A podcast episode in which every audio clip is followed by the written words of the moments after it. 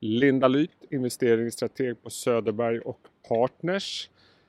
Eh, haft en del bankrapporter här senaste tiden. JP Morgan kom igår, vi har ytterligare ett par amerikanska idag. Du och jag pratade lite grann om bankerna förra gången vi pratades vid. Hur, hur känner ni för sektorn nu? Bank är en sektor som har gått svagt sedan corona bröt ut egentligen och det är många orsaker bakom det. Rent konjunkturellt naturligtvis har det pressat, eh, oro för stora avsättningar för eventuella kreditförluster. Men sen är ju centralbankernas agerande en viktig faktor där yield curve controllen har påverkat bankernas marginaler. Eh, och naturligtvis har det också stökat till det med uppskjutna eller uteblivna utdelningar och eh, även avbrutna återköpsprogram. Så banker har pressats mycket och nu får vi in rapporter som är lite starkare än väntat men trots det så är marknaden ändå inte riktigt nöjd. Eh, avsättningarna för kreditförluster om vi tittar på JP Morgan var ju ändå eh, mindre än vad man hade befarat och eh, man får stöd av en stark tradingaktivitet. Samtidigt så var ju räntenettot lite svagare än väntat och eh, återköpsprogrammet startar första gången förmodligen nästa år. Och det här var ju då uppenbart lite sämre än vad marknaden hade hoppats på i och med att man handlade ner aktien. Så det blir intressant att se nu på den svenska banksektorn vad vi får eh, för respons här och eh, naturligtvis kommer ju kreditförlusterna eller avsättningar för eventuella kreditförluster att stå i fokus. Och eh, där väntas de bli lägre både i, eh, eller i alla tre storbanker utom Handelsbanken. Eh, och eh, tittar man i övrigt så, så är det ju så att tradingaktiviteten är något som förmodligen har stöttat SEB medan räntenettot eh, förmodligen blir svagt och det pressar allra mest Swedbank. Sen kom eh, IMF med en rapport igår också och det såg ut som det var lite mer positiva signaler även om man inte på något sätt eh, blåser faran över. Vad är din kommentar kring den rapporten? Ja men precis, de höjde prognoserna för BNP-tillväxt eh, för i år eh, där man inte väntar sig riktigt lika stora fall i BNP längre och reviderade samtidigt då ner förväntningarna för nästa år så det är en lite planare utveckling man väntar sig och man kommunicerar kring att det är ett fortsatt väldigt osäkert läge med stor smittspridning i Europa och en, man väntar sig en ganska ojämn och osäker återhämtning. Och eh, jag tänkte att du och jag skulle prata lite värdering också. Det, det, har ju ältats länge nu med tanke på hur kurserna har gått och vinsterna har gått. Jag tänkte att vi skulle börja titta på en graf som visar på, jag tror det är en global värdering och den ser ju väldigt hög ut vid en första anblick.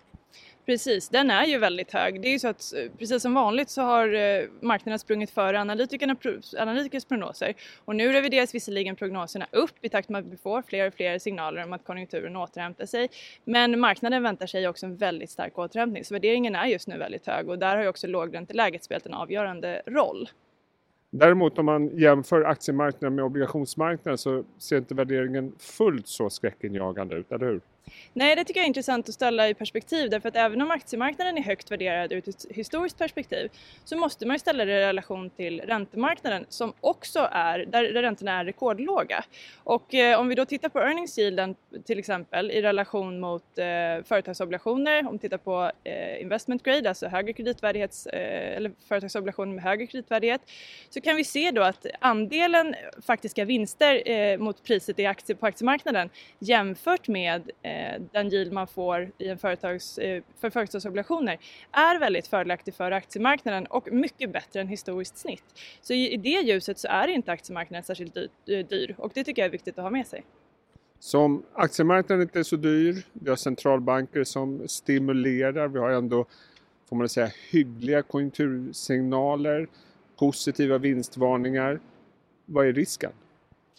Ja, det finns ju som alltid en, en, rad risker och då får man ju hålla isär de mer eventdrivna och de som faktiskt kan påverka konjunkturella förutsättningarna mer ordentligt. Och eh, lite mer tillfälliga risker som kan skapa osäkerhet, det är till exempel presidentvalet. Vi har sett en osäkerhet under hösten till och från och det kommer förmodligen fortsätta fram till valet och kanske efteråt även om det inte godkänns av, av Trump om det blir så att Biden skulle vinna. Eh, men det är en sån osäkerhet som, som kan skapa ett kortsiktig rekyl som jag tycker man ska se som köpläge. Där Däremot så kan det ju vara så att det finns parametrar som påverkar utsikterna för global ekonomisk återhämtning eh, och, och, det är ju mer allvarligt och det är en sån, ett sådant exempel är ju en ökad smittspridning och efterföljande restriktioner. Eh, men också om vi skulle få se en tilltagande handelskonflikt. Båda presidenterna eller presidentkandidaterna är ju mer för att sätta USA på kartan mer och göra USA mindre beroende av omvärlden. Och det gör ju att vi kommer förmodligen få se konflikt mellan USA och Kina egentligen oavsett vem som vinner, även om Trump är ännu mer engagerade i den frågan. Ehm, så det är också en osäkerhet rent konjunkturellt som riskerar att pressa tillväxtförutsättningarna. Sen, du visade med en annan graf också som visade på relativ utvecklingen för småbolag mot storbolag i Europa respektive USA. Väldigt olika utveckling. Hur påverkar det era investeringsbeslut? Ja, jag tycker det är intressant att titta på, på småbolag där vi står just nu. Det finns ju en ganska utbredd tro om konjunkturell återhämtning. Och det tenderar att gynna eh, småbolag som eh, ofta är en hävstång på konjunkturen eh, som går bättre när risksentimentet blir starkare. Och småbolag generellt är mindre genomlysta, de är ofta föremål för förvärv vilket kan synliggöra värde. Eh, och tittar man då så finns det ganska stora regionala skillnader ändå i hur de går. Eh, och Amerika eller i, europeiska småbolag har gått väldigt, väldigt starkt eh, på sistone medan amerikanska småbolag har laggat. Och då får man ju fråga sig varför det har varit så. Och det, dels så finns en förklaring i sektorvikterna Eh, i att Eh, många europeiska småbolag är mer cykliskt tillväxtorienterade jämfört med storbolagen som är betydligt mer värdeorienterade och, äldre bolag eh, senare i livscykeln. Medan i USA ser det tvärtom ut. Där är till, de riktigt tillväxtorienterade är ju de jättestora bolagen eh, och tittar man på småbolagen så är de betydligt mer värdeorienterade.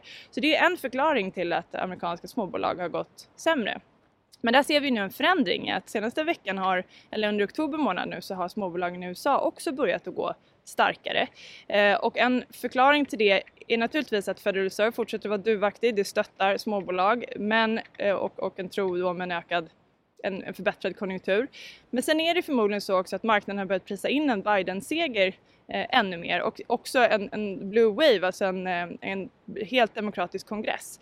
Demokraterna vill ju stimulera, eh, precis som, eller Republikanerna vill också stimulera, men Demokraterna vill stimulera ännu mer och ofta mer riktat mot konsumenter och mot småbolag. Så det här gynnar småbolagen. Och eh, då kan man fråga sig om den här trenden som vi just nu har sett kommer att bli bestående. Och där är min bedömning ändå att jag, jag tror att europeiska småbolag är att föredra fortsatt. De är mer cykliskt tillväxtorienterade eh, och eh, Tittar vi på där vi står idag, vi har låga räntor, de kommer att vara låga under lång tid framöver och vi har dämpade globala tillväxtförutsättningar. Då är det någonting som kommer att gynna tillväxtbolag i större utsträckning än värdebolag. Och i kombination med att man, vi förmodligen kommer ändå få se en cyklisk återhämtning och en, en breddning av den, så är det den cykliska tillväxtdelen som man vill åt och då är det europeiska småbolag. Sen är vi eh, precis startat med Q3. Vi har ju fått, som vi nämnde, väldigt många positiva vinstvarningar. Hur ser ni på Q3, men kanske framför allt hur vinsterna kommer att utvecklas nästa år och framöver? För det känns som nästan det inprisat att Q3 kommer bli hyggligt bra. Ja, precis. Q3 kommer ju förmodligen komma in bättre än vad analytikerna prognostiserat, så är det ju. Och sen är frågan vilka, eh, vad som krävs för att kurserna ska kunna fortsätta uppåt. Och eh, vår bedömning är att vi successivt kommer att få se en, en fortsatt förbättring i bolagen. Eh, men det finns ju gott om risker och marknaden har ju tagit hem ganska mycket här. För att komma tillbaka till då värderingen så har ju Stockholmsbörsen nått nya rekordnivåer och, och, man har väldigt höga förväntningar och vi ser ju på storbolagen, de här som har kommit nu i USA på bankerna att där har trots att marknaden har eh, har, eller att, att bolagen över, har slagit marknadsförväntningar så går inte kursen vidare uppåt och det tror jag är risk att vi fortsätter se. Eh, avslutningsvis, när du och jag pratades vid, jag tror det var i juni, så hade ni eh, gått upp till en lite mer positiv börssyn i samband med raset där i mars-februari. Eh, ni var däremot lite skeptiska till marknadens eh, eufori kring en V-återhämtning. Hur ser ni på börsen nu och eh, hur ligger ni positionerade? Vi har en lätt övervikt i portföljerna och en, ett neutralt betyg så vi tycker att man ska hålla sin strategiska vikt. Och eh, som vi ser det så, så, finns det mycket som talar för att aktiemarknaden fortsatt ska gå. Centralbankerna är marknadens bästa vän och så kommer det att förbli. De är duvaktiga och räntorna kommer att vara låga under lång tid framöver. Så det här kommer att spela en avgörande roll för aktiemarknaden även framöver. Naturligtvis finns det osäkerhetsmoment, det finns orosmoln eh, av större karaktär och mindre karaktär och vart smittspridningen tar väg är ju väldigt svårt att, att sia om. Men vår, vår tro är att vi kommer att fortsätta få stöd för aktier som tillgångslag. Linda Ly, tusen tack!